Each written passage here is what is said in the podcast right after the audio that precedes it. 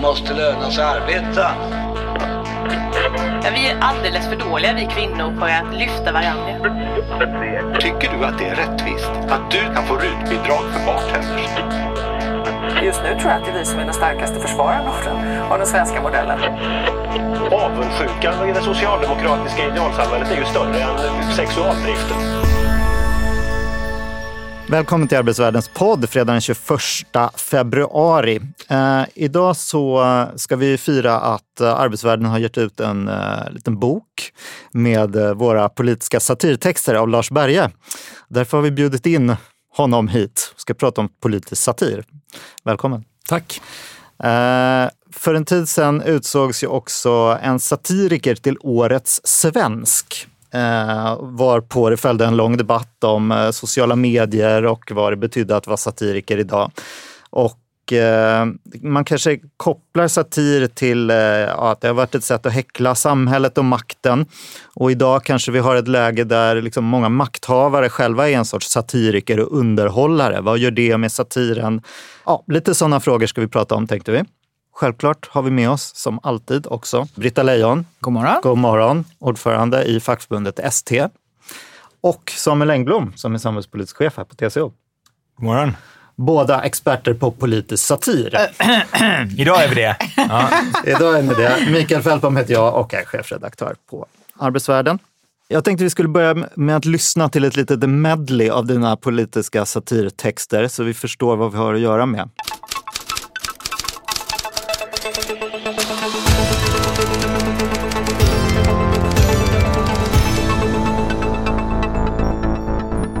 Store tar över distributionsavtalet till Akademiska sjukhuset i Uppsala. Staffanstorp bygger ringmur. EU-parlamentarikern Malin Björk har inte bara kvitterat ut dagtraktamente från EU på 3 000 kronor per dag. Hon misstänks dessutom för att stå i förbund med djävulen. Efter pilotstrejken utvidgar SAS sitt eh, självbetjäningssystem. Förutom bokning och incheckning kommer kunderna själva att starta och landa bolagets flygplan. Nu byter regeringskansliet namn till Rosenbad Spa och Retreat. Igår torsdag demonstrerade den nystartade konservativa tankesmedjan Oikos sin så kallade universalmaskin konstruerad för att lösa olika samhällsproblem. Oik, oikokos, oik, oikokos, oikokos.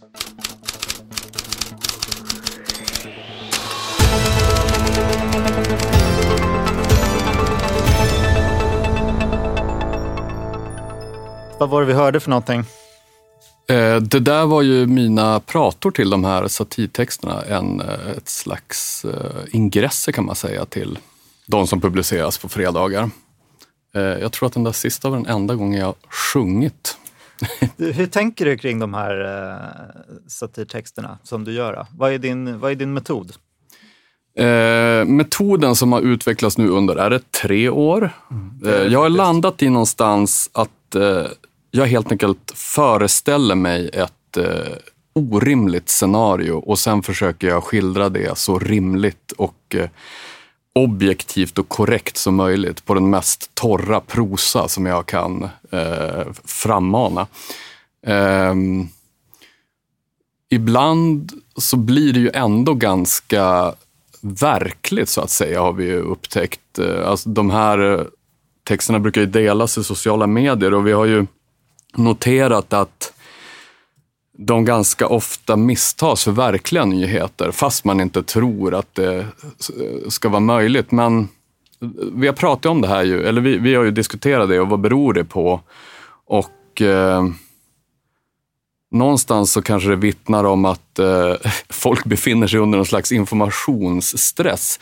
Jag tänkte på vägen hit, alltså vilka är det som, som delar de här som verkliga nyheter? Jag upplever att det främst är liksom en, eh, Eh, en äldre generation. Man brukar ju ofta beskylla de yngre för att eh, vara, var okritiska och, och, och svälja allt som, som, eh, all information som lanseras via sociala medier. Men i det här fallet så tycker jag nästan att det är den äldre generationen som, som verkar mer eh, på tårna, eller liksom mer redo att Eh, flippa ur över det de hatar i samhället helt enkelt. Så det spelar ingen roll om, om, om ingressen är att bävra bygger en damm av elsparkcyklar så filtreras det inte utan det bara skickas vidare som här är ett ytterligare ett exempel på hur förjävligt det är i, i samhället helt enkelt. Men, eh, och, det, och det är ju intressant. Men ja, metod var ju din fråga. Eh, Ja. ja. men du sa ju det att du föreställer dig något absurt och sen så skildrar du med to på torr nyhetsprosa. Liksom. Ja, jag tycker väldigt mycket om den, den typen av så här, lokaltidningsjournalistik mm. som känns... Eh, jag har vuxit upp med det, uppvuxen i, i Västerbotten, så, här, så det är liksom jag vet det fyller mig med värme helt enkelt. Du hade ju någon sorts plan när vi drog igång det här också om att starta Nya Framtidspartiet. Ja. Hade, du skulle ju ta över världen med den här politiska satiren i, i början. I början kändes det ju bara onödigt att bara ha en spalt så att vi, vi jag och några kompisar drog det där vidare och tänkte, ja, men det, varför ska vi, vi kan ju ha en hel, en hel nyhetssajt, liksom ett alternativt alternativmedium. Och till det skulle vi då koppla en politisk kraft som det brukar vara, att så här, Socialdemokraterna, Aftonbladet och, och Centern har sina centermedier. Eh, så då skapar vi eh, det där nya framtidspartiet. Och då, det var ju faktiskt på riktigt att en kille som jag känner, han programmerade ju en algoritm som, och en, alltså artificiell intelligens som tankade ner eh, allt skrivet material från riksdagens eh databaser och den började skriva sina egna promemorior. Mm -hmm. Eh, och det blev liksom en form av så poesi. Vi var väldigt exalterade över det här och vi började fantisera, bara, men det här blir perfekt. Det här är ju som ett, ett destillat av all politik senaste 30 åren. Så vi, vi, vi, vi såg framför oss hur vi skulle skapa det perfekta mittenpartiet. Och eh, naturligtvis trodde vi också att det eh, skulle generera eh, en oerhörd framgång. Eh, mest kanske på grund av att eh, Sverige saknar liksom ett... Eh, eh, det känns som att det finns en lucka i politiken för ett politiskt populistiskt alternativ, vad det är. Sverigedemokraterna har vi givetvis, men resten som inte sympatiserar med dem tänker jag att det skulle gå bra med nästan vad som helst. Eh, och det var, så, det var så vi tänkte kring det här. Vi hade planerat en, en en sån reklamkampanj och vi hade skapat en partiledare som hette Per Albin 2.0 som skulle bestå av den här äh, algoritmen och planen var ju att vi bara skulle eh, koppla den till någon sån här talrobot och låta den vara med i olika debatter. Att det skulle, det skulle sköta sig själv och, och vi tänkte att svenskarna älskar ju högteknologiska saker och älskar ju känslan av progressivitet. Så vi tänkte att den här tekniska, den här automatiska politiken skulle, skulle bli oerhört framgångsrik. Till, alltså till slut så landade jag ändå i slutsatsen att det här är farligt på riktigt. Vi kommer att lyckas med det här. Och det var ju då vi beslutade att lägga ner det och bara återgå till de här vanliga eh, spalterna. Eh, det, det är en förklaring. Sen var det väl att det på något sätt växte oss över huvudet. Det, det blev too much att hantera helt enkelt. Ja. Tror ni att det hade funkat? Ja, jag kände att jag med växande obehag lyssnade på dig faktiskt. Ja. ja. Sen vet jag inte om det hade funkat, men alltså, jag tyckte att det lät, jag fattade ingenting. Var, varför gör ni sådär? Det känns faktiskt, kändes, så det var skönt att höra att ni kom fram till att det fanns en risk för att det faktiskt Exakt, skulle funka. vi föreställde oss någon slags automatisk Macron som bara automatiskt ja, skulle liksom generera ja, precis, oerhörd Det finns ju exempel på sånt där idag tycker jag. Så att det, ja. Men jag tycker det här är just det här att, ska, alltså, att skapa en satir som då inte bara är en text utan som är en eh, eh, alltså som är en organisation eller som är någonting som faktiskt finns. Det, det är också sån här, det är en tanke man har lekt med ibland just när man ställs inför saker som man tycker är absurda.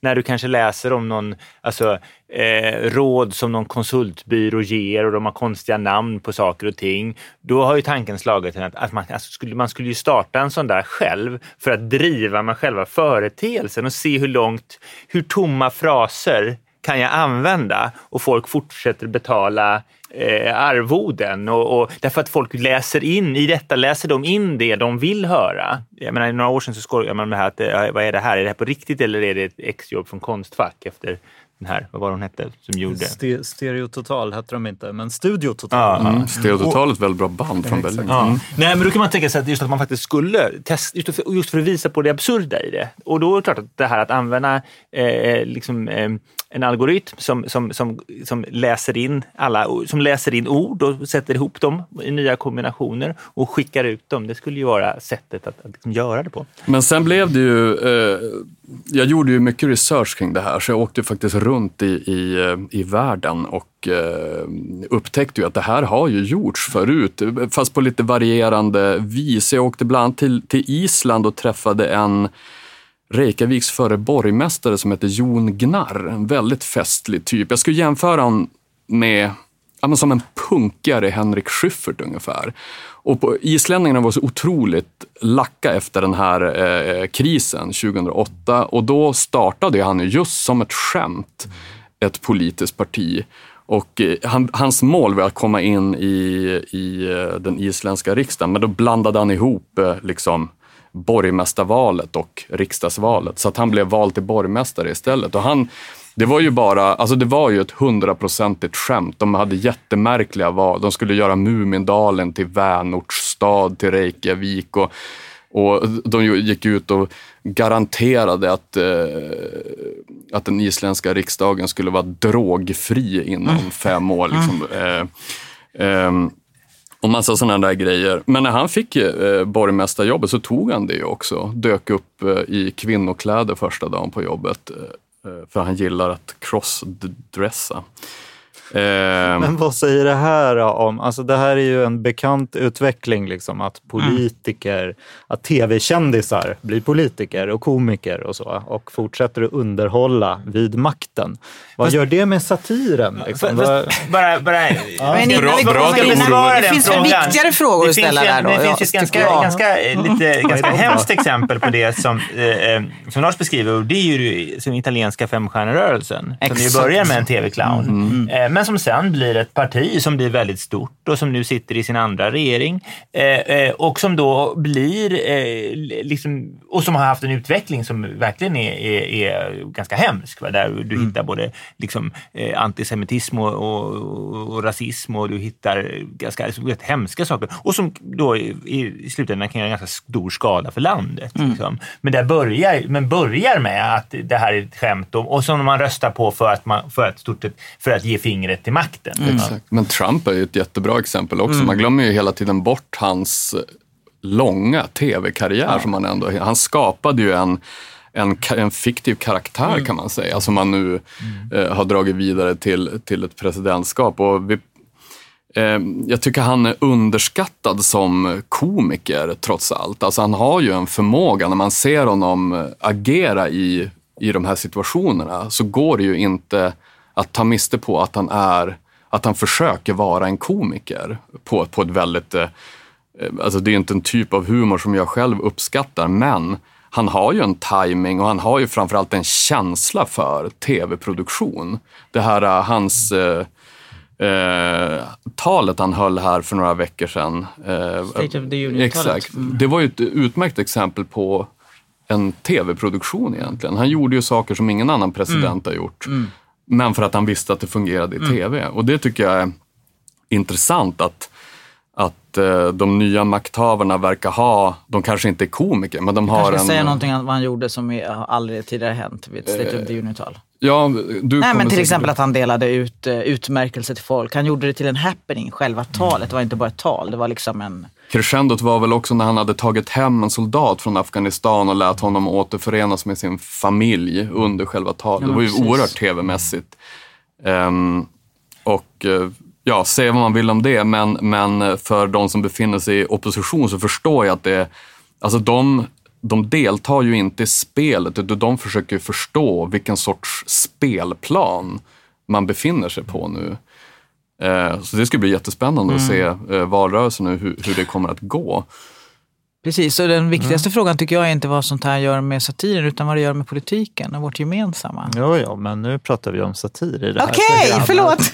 Nej, men du kan få säga någonting om det nej, också. nej, nej, ja, men jag, men jag tycker det, det är en viktig diskussion. Liksom. Men nu, vi håller oss till satiren då. Men jag bara menar som eh, Italien, femstjärnerörelsen. Vi har alltid kalanka partier i våra liksom, val i Sverige. Vi har Zelensky i Ukraina. Vi har extremt många exempel eh, både i Sverige och i världen runt eh, på att liksom, någonting som börjar som ett finger åt makten eller som en drift med, med politiken eh, och ett förakt, tycker jag, för politiken eh, slutar att vara roligt när det sen liksom blir en inte omsorgsfull skötsel av vårt gemensamma.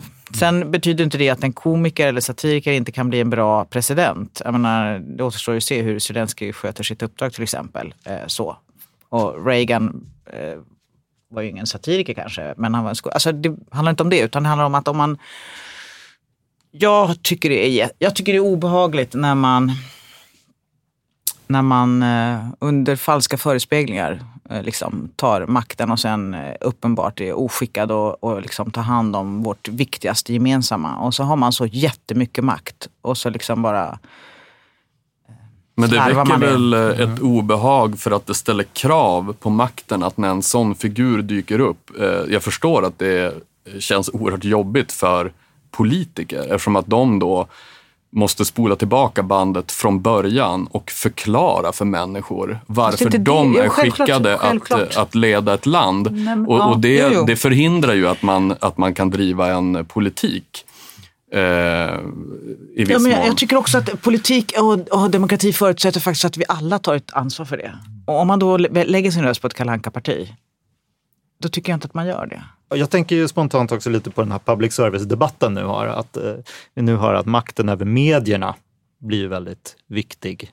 Att alltså, alla de här är ju mediemagnater ofta, eller inte alla, men många har ju en, en kanal eller en organisation bakom sig och den blir ju förstås ännu starkare utan ett public service. Alltså det är ju, det är lite Precis. det som eh, public service-debatten handlar om. Det finns ju någon som tar över vårt behov av nyheter och underhållning.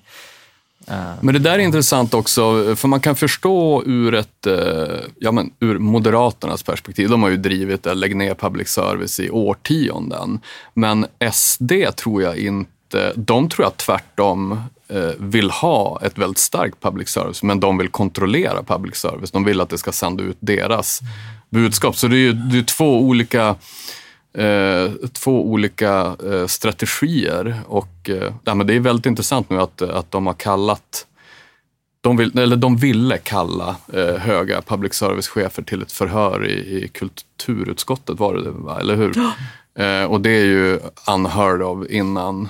Men det, det markerar ju också en, en, eh, vad som kan komma att hända, gissar jag, efter Ja men, kommande det är val. fint. ja men precis, och sen, alltså, de, de jag försöker göra det den vägen. Eh, Trump, Zelensky, Berlusconi har gjort det genom att äga makten över våra tankar genom att totalt dominera tv-utbud och mediautbud i sina respektive länder. Och använt det som en språngbräda för att ta över makten också. Och då blir det ju väldigt svårt med någon form av upplyst samtal, opposition, diskussion om alternativ till den makt som, som de makthavarna vill ska drivas. Alltså, om man har det totala ägandet över liksom både politiken och medien, det, det Men kanske förtjänar vi det ändå, eller alltså se en, en, en, eh, en helt vanlig eh, valdebatt i tv. Är inte Jo. det trots allt något av ett Inte ens skämt? jag klarar av att titta på det. Alltså, orkar. Ja, jo, men, men...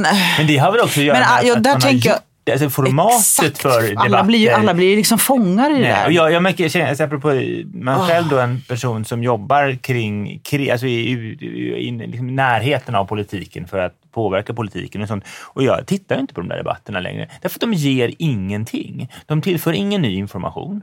Eh, Därför att det handlar bara om vem, det blir bara spel och vem som liksom lyckas få in en one-liner. Eh, det liksom finns noll konsumentupplysning i dem. Den grenen man tävlar i, att stå i tv och slänga fräcka one-liners, in, säger ingenting om ens förmåga att regera ett land.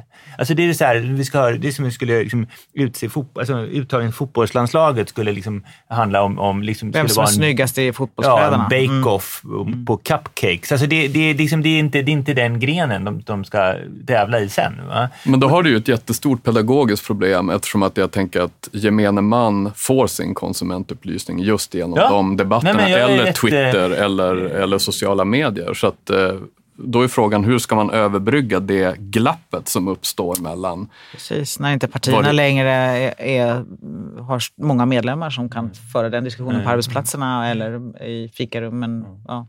Men hur gör man satir då, när eh, politikerna ofta är bättre satiriker? Hur är man, kan man, är, är sporten att vara roligare liksom än... Varifrån kommer tesen att politikerna är bättre satiriker? Nej, men jag tänker på att många politiker med inflytande idag eh, har ju, går ju via att de är väldigt duktiga på sociala medier. Ta en Hanif Bali, eller, alltså de, de skapar, att man skapar sin egen plattform som eh, politiker. Men- att man tar med sig sin egen eh, makt i kraft av följare i sociala medier och följare av sitt personliga varumärke. Det är lite Men är så det jag menar. satir? I, Ja, det I det fallet Hanif Bali måste Nej, det, man ju... I fallet Hanif Bali kanske det är satir.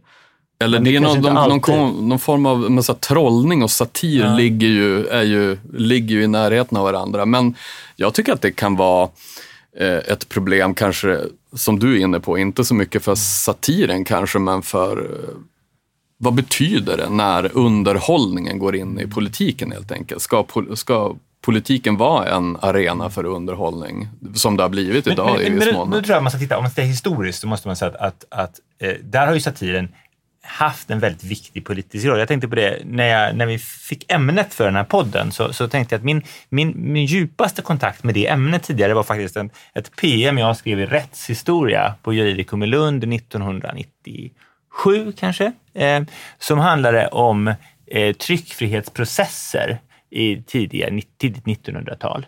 Eh, eh, och jag fick, gå till, jag fick gå ner i källaren på Juridicum och leta fram de gamla lagböckerna. Alltså det fanns gamla, så här, 1903 års, liksom, samma. Och så fick man hitta och, och leta fram de gamla rättsfallen. Och där var det ju väldigt tydligt, och det är ju i många länder, hur, hur alltså en del av demokratins genombrott är ju att yttrandefriheten utökas. Och den utökas också genom att människor skriver, det var ju det här, man häcklade kungen för att bli, för, och mer eller mindre för att bli åtalad för majestätsbrott, för att kunna visa hur absurt det är. Och jag hade, ett, jag tror ett av mina exempel var Axel Danielsson som då var chefredaktör för det som då var tidningen Arbetet som låg i Malmö.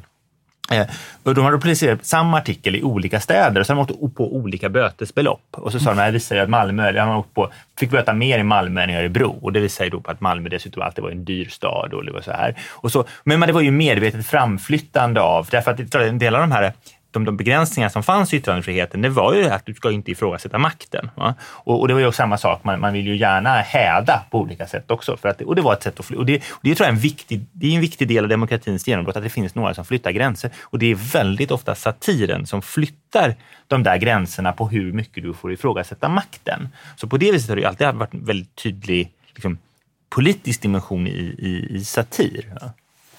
Absolut, eh, men satiren är ju inte heller per definition alltid god, utan den flyttar ju gränser åt alla håll. Det är ju som, humor är ju som ett, som ett radioaktivt ämne. Det är, det är oförutsägbart. Alltså det, det, jag tror man kan, utan att ha några specifika exempel, så tror jag även att eh, så kallad humor eller satir eh, också utlöst fruktansvärda händelser. Eh, det är bara att titta på de här vykorten som producerades efter lynchningarna i USA, där folk står och garvar som att det är en trevlig happening, något roligt som har hänt.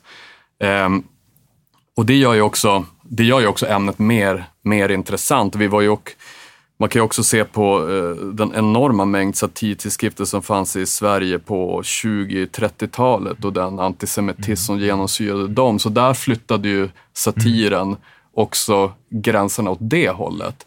Så att det är ju inte så enkelt hela tiden att satiren per definition är god eller står på de godas sida, utan det speglar ju, alltså det folk skrattar åt för tillfället är ju, det visar ju någonstans det politiska landskapet. Som ja, men, att Ja. Jens Ganman blev vald till Årets svensk, det är ju eh, på sätt och vis logiskt, helt enkelt. Men, Hur då? Ja.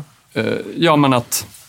eh, Och säg någonting först om vem han var. Nu har jag ju fått lära mig det av Mikael, men jag hade ju ingen Exakt, aning om vem det var. Han är, han är oer- oerhört obskyr, men hans eh, såna här cirkeldiagram har ju, har ju liksom blivit ett mem som har valsat runt på sociala medier. Han har som ett det som gör honom intressant också, vilket man, han oerhört sällan tar upp, vilket också är raderat från hans Wikipedia-sida sist jag kollade, det är att han har jobbat åt SVT.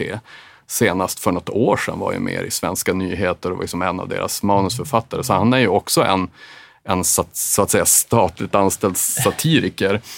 Ehm, men jag vet Att vi inte, hade sådana. Det, det, det är unikt det för finns- Sverige.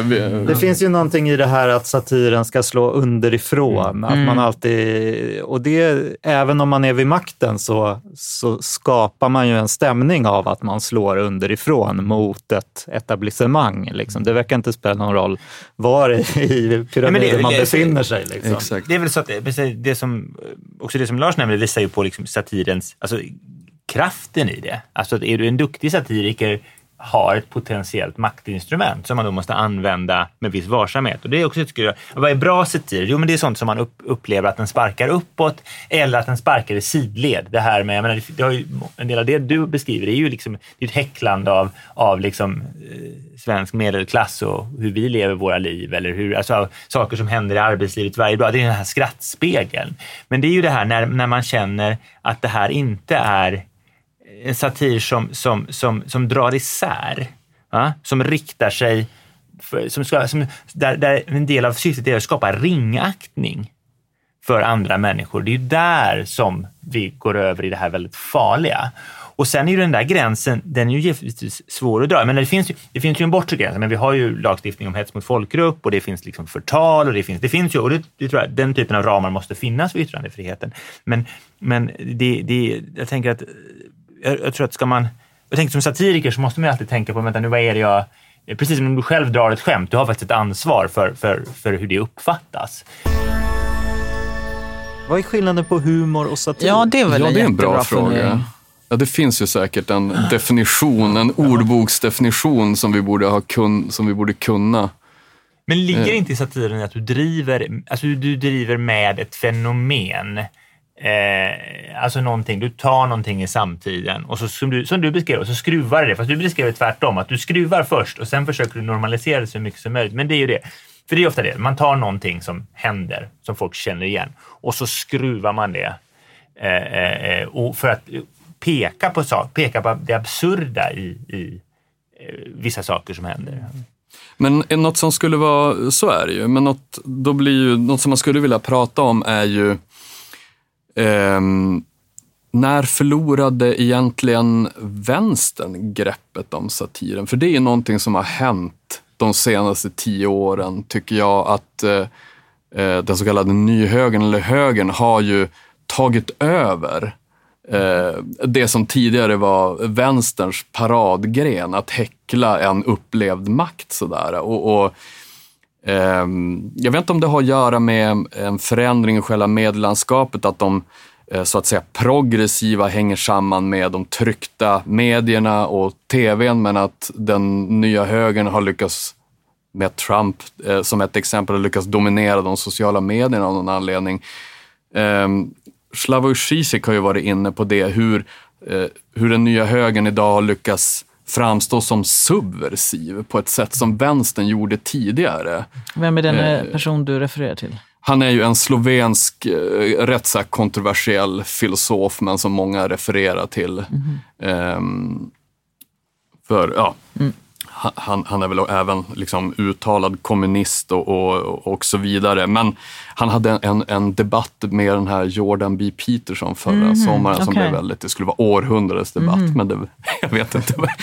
Den kändes ganska sval för att vara det. Men, men eh, det där har intresserat mig ganska mycket. När hände det? När förlorade eh, vänstern greppet om humorn, så att säga?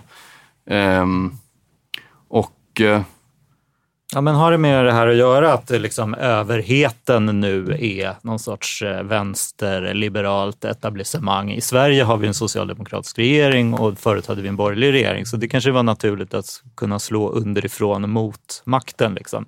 Men oavsett vem som sitter vid makten så är det ju någon sorts då vänsterliberalt eh, kulturelit liksom, som förtrycker människor. Så det kanske har med det att göra, vad vet jag? jo, det tror jag ligger mycket i Men det. tycker du att din eh, satir är politisk på något sätt? Då?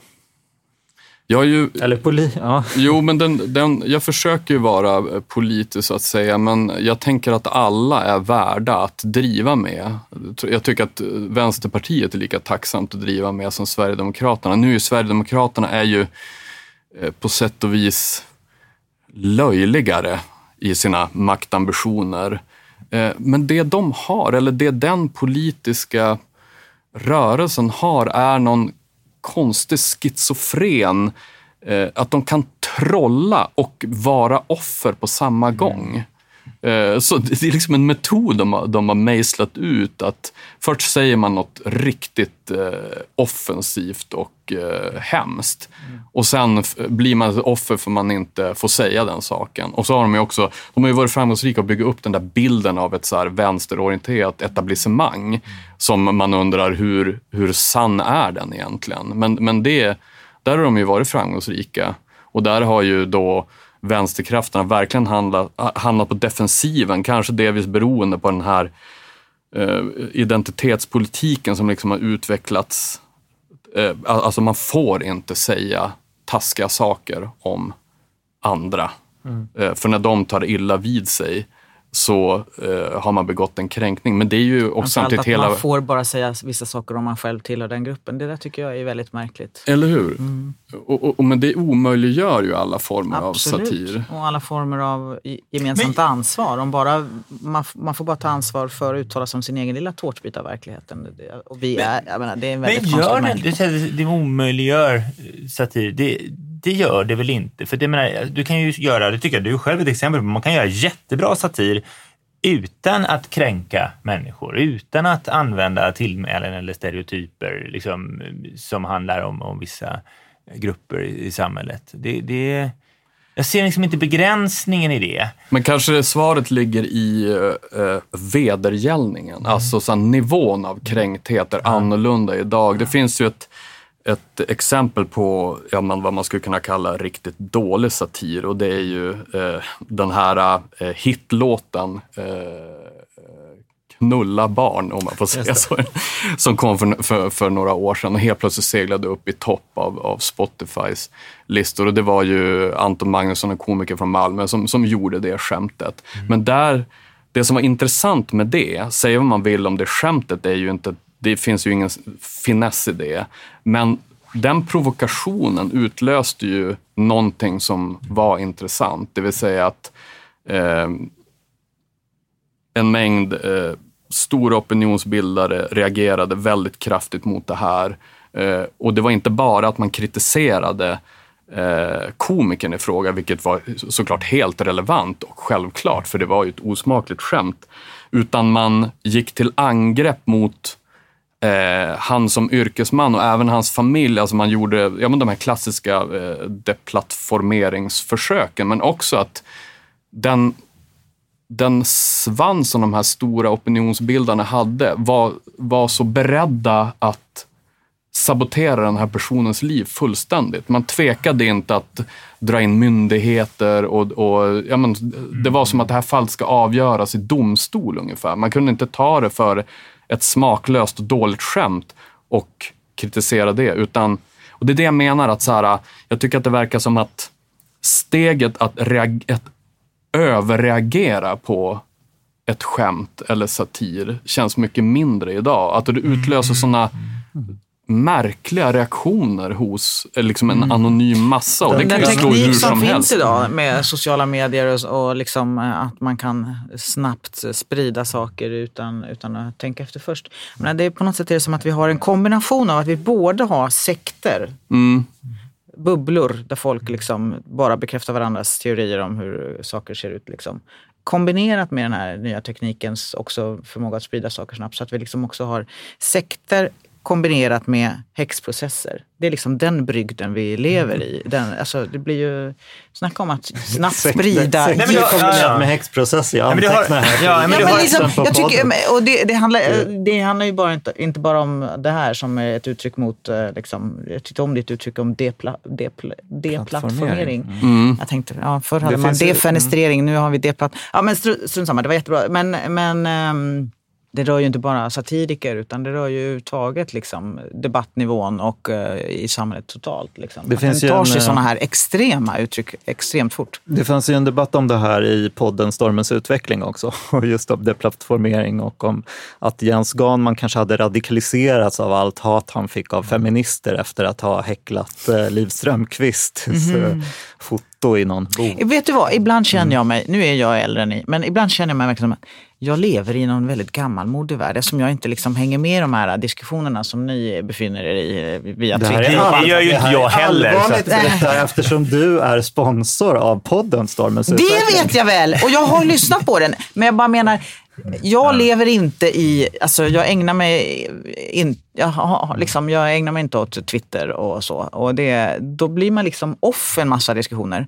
Och det, Mm. Men ska vi dra en vrida om vad sociala medier betyder liksom för, Mm, eh, för satir, satir. Mm. idag?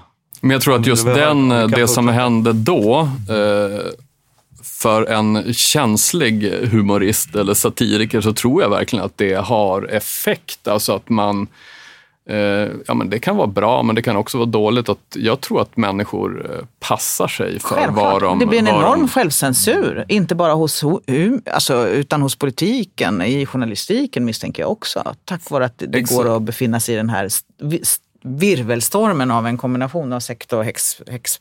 För det mest absurda exemplet, bara för att illustrera Ja. vad som hände, eh, det var att en vän till den här komikern, eh, Sandra Ilar, hon hade lagt upp någon bild på sitt Instagram där hon eh, poserade med ett litet barn som var hennes brors. Och där hade hon uttryckt sitt stöd för sin, för sin kollega.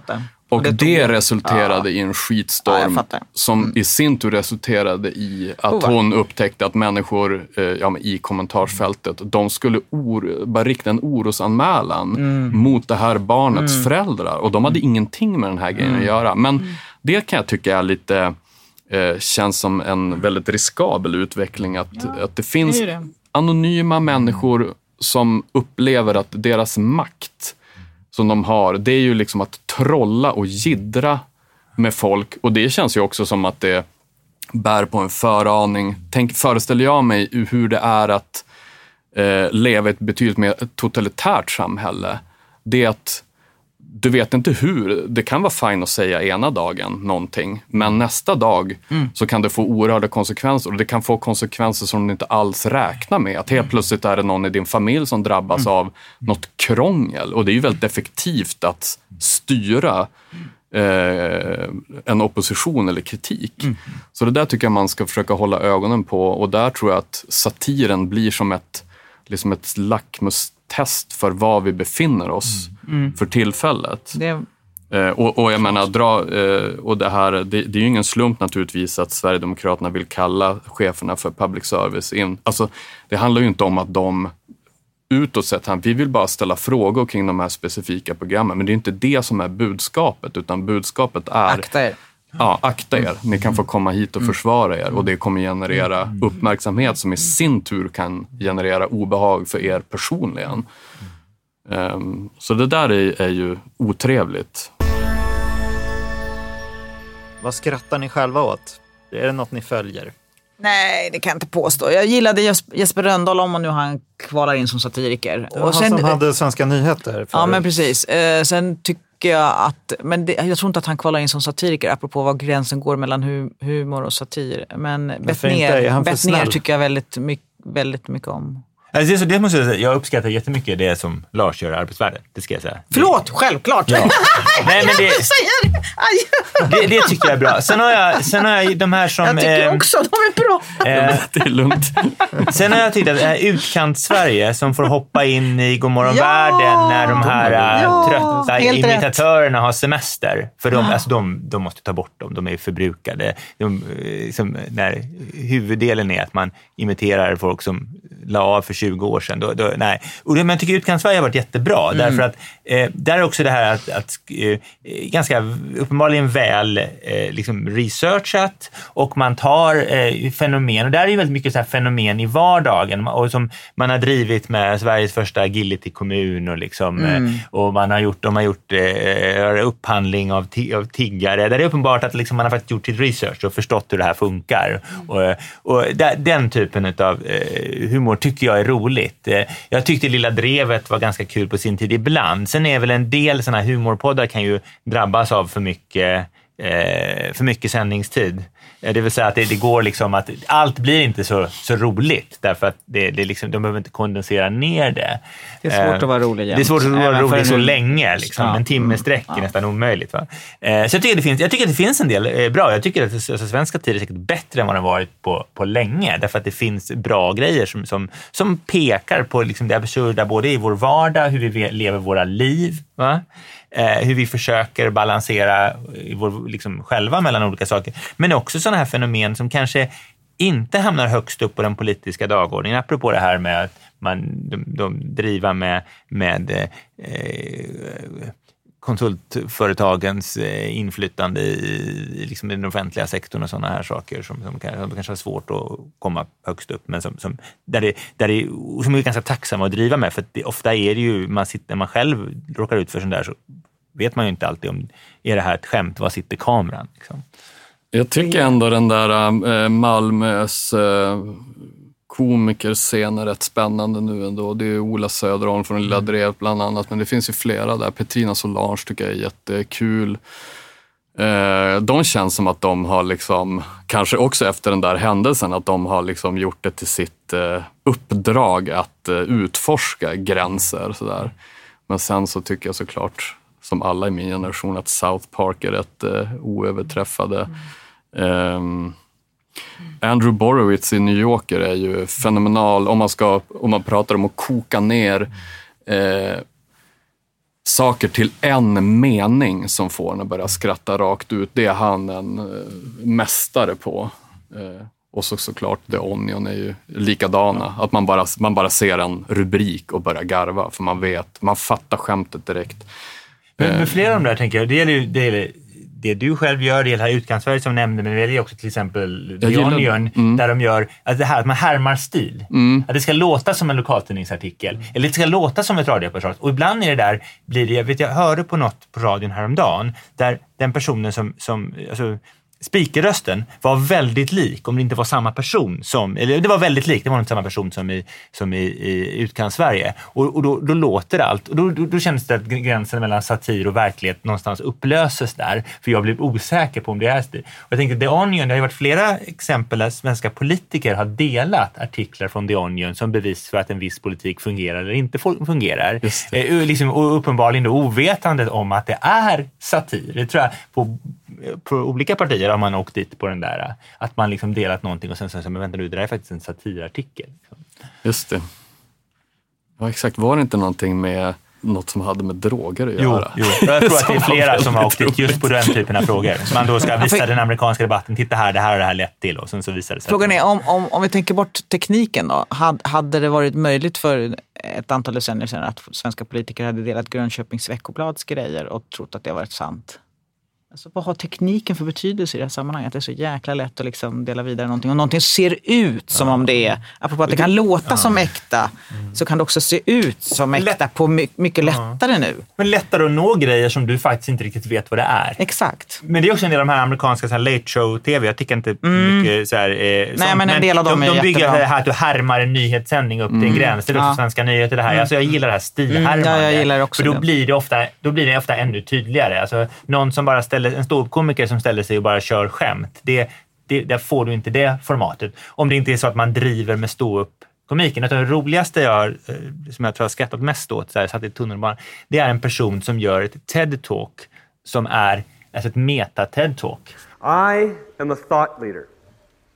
You know that I'm a thought leader because I'm wearing a blazer, I have glasses, and I've just done this with my hand. I will now walk over to my laptop. By doing so, I'm demonstrating to you that as a thought leader, I understand technology and that there will be slides. För det blir, det blir, det är bara helt meta. Men jag tror att du skulle kunna slötitta på det där och de kanske inte uppfattar att det är det. Ja, men det är roligt också då, just för att man känner igen sig i det man själv eh, konsumerar till vardags när det får en skruv på sig. Liksom. Jag, kollade, jag har inte kollat så mycket på svenska nyheter, men eh, jag tyckte det var ganska roligt. För att jag tänkte på den här folkets främsta företrädare, tyckte jag nästan var roligare. Det var nästan hårdare. De var, liksom, de var riktigt elaka. Nu Liksom. minns inte jag det. Hur var det? Det var Henrik Dorsin, Aron Flam och han Okej, Messia. Ja, just det. Ja, just det. Men det var inte så länge det höll på. Nej, det var Nej. väl inte det. De kunde ju ägna ett helt avsnitt åt att riktigt trasha någon myndighet. liksom. Ja, det var roligt. Um, hörni, eh, Vill du läsa högt ur någonting här nu? För du håller på att bläddra i din bok. Nej, det var bara det att jag kom på ett eh, intressant fall och så hade jag glömt bort detaljerna kring det. Det här är ju oerhört stark radio, det vi just nu lyssnar på. Eh, att jag letar i en bok. Eh, jo, nej, men jag tänkte på eh, det du beskriver. Jag, jag kom att tänka på den här grejen som, som hände, jag vet inte om ni har sett det. Den här Alexandria Ocasio-Cortez väljarmöte. Har ni sett den, den videon? Eh, Nej. Tror jag inte. den visar det är liksom en kvinna som ställer sig upp eh, som ser ut som en sån typisk miljömupp och börjar liksom skrika att eh, eh, ja, men det räcker inte med att vi slutar föda barn, vi måste börja äta barn. just Ehm, Oj. och eh, för mig så var ju det omedelbart att associera till Jonathan Swift, det där klassiska, kanske den mest klassiska satirtexten som finns, ett anspråkslöst förslag. Men det uppfattades ju inte av Cortez och inte av liksom den liberala eh, eliten, om man får kalla, kalla det så, utan hennes reaktion var ju att omedelbart eh, ja, men dels att värna om den här kvinnan eh, ja, men, eh, men, mental sjukdom sprider sig, bara, ne, ne, ta det lugnt sådär. Så, eh, och, och sen efter något dygn så kunde ju såklart någon, någon sån höger, det var väl La Rouge-sekten, en riktigt sån uh, otäck högersekt. Det var de som hade planterat det där och gjort det liksom som, som ett prank. Men det var bara intressant hur, hur för, det- för, ja. för de invigda så var det ju uppenbart, alltså det var ganska snyggt gjort. Alltså det var, det var, det var, det var Borat-nivå på, på skämtet. Åh, det var Borat har verkligen, vi inte pratat om. Ja. Eh, Det var storartat så, men att det liksom inte uppfattades i det ena politiska lägret. Och det kanske vad satir blir i en förlängning. Det kanske blir, alltså till slut kanske samhället är så polariserat så att ja, men vi, vi uppfattar inte det roliga i Jens Ganmans cirkeldiagram, men uppenbarligen finns det människor som gör det. Att vi, vi slutar kanske helt enkelt förstå varandras det humor. jag. Och det känns som ett ganska stort problem. För då har man ju ett, ett samhälle som är splittrat på riktigt. Eh, så då kanske man ska hålla ut, alltså det, det som alla skrattar åt tillsammans, eh, det kanske bär vittne om en framtida politisk eh, riktning. Och det kan ju bli väldigt otrevligt, men det kan ju ja, också kanske vara hoppingivande om det, om det så att säga är ett skämt som Men det finns inte risken Fint. att det är som att det är som 51 procent skrattar åt. Det Mm. är den framtida inriktningen. Den risken finns ju. Så kan det nog vara, precis. Ja, vi avslutar med denna framtidsspaning, denna dystopiska framtidsspaning. Tack till er i panelen som kom hit och eh, tack till våra tittare och lyssnare. Och eh, jag sa ju i början att så här, vi har gett ut en bok. Jag kände att jag kanske ska ge lite cred också till Jag förlaget Kaunitz Olsson oh, ja, eh, som faktiskt har gett ut den här. Och det är ju Lars som har skrivit innehållet. Här är den. Här är den. Gul och fin. Den syns inte i radio, men vi lägger väl upp en bild på den kanske. Det i, låter väl bra. i texten. Mm. Vi är tillbaka om två veckor sådär. Tack för att ni lyssnade. Adjö.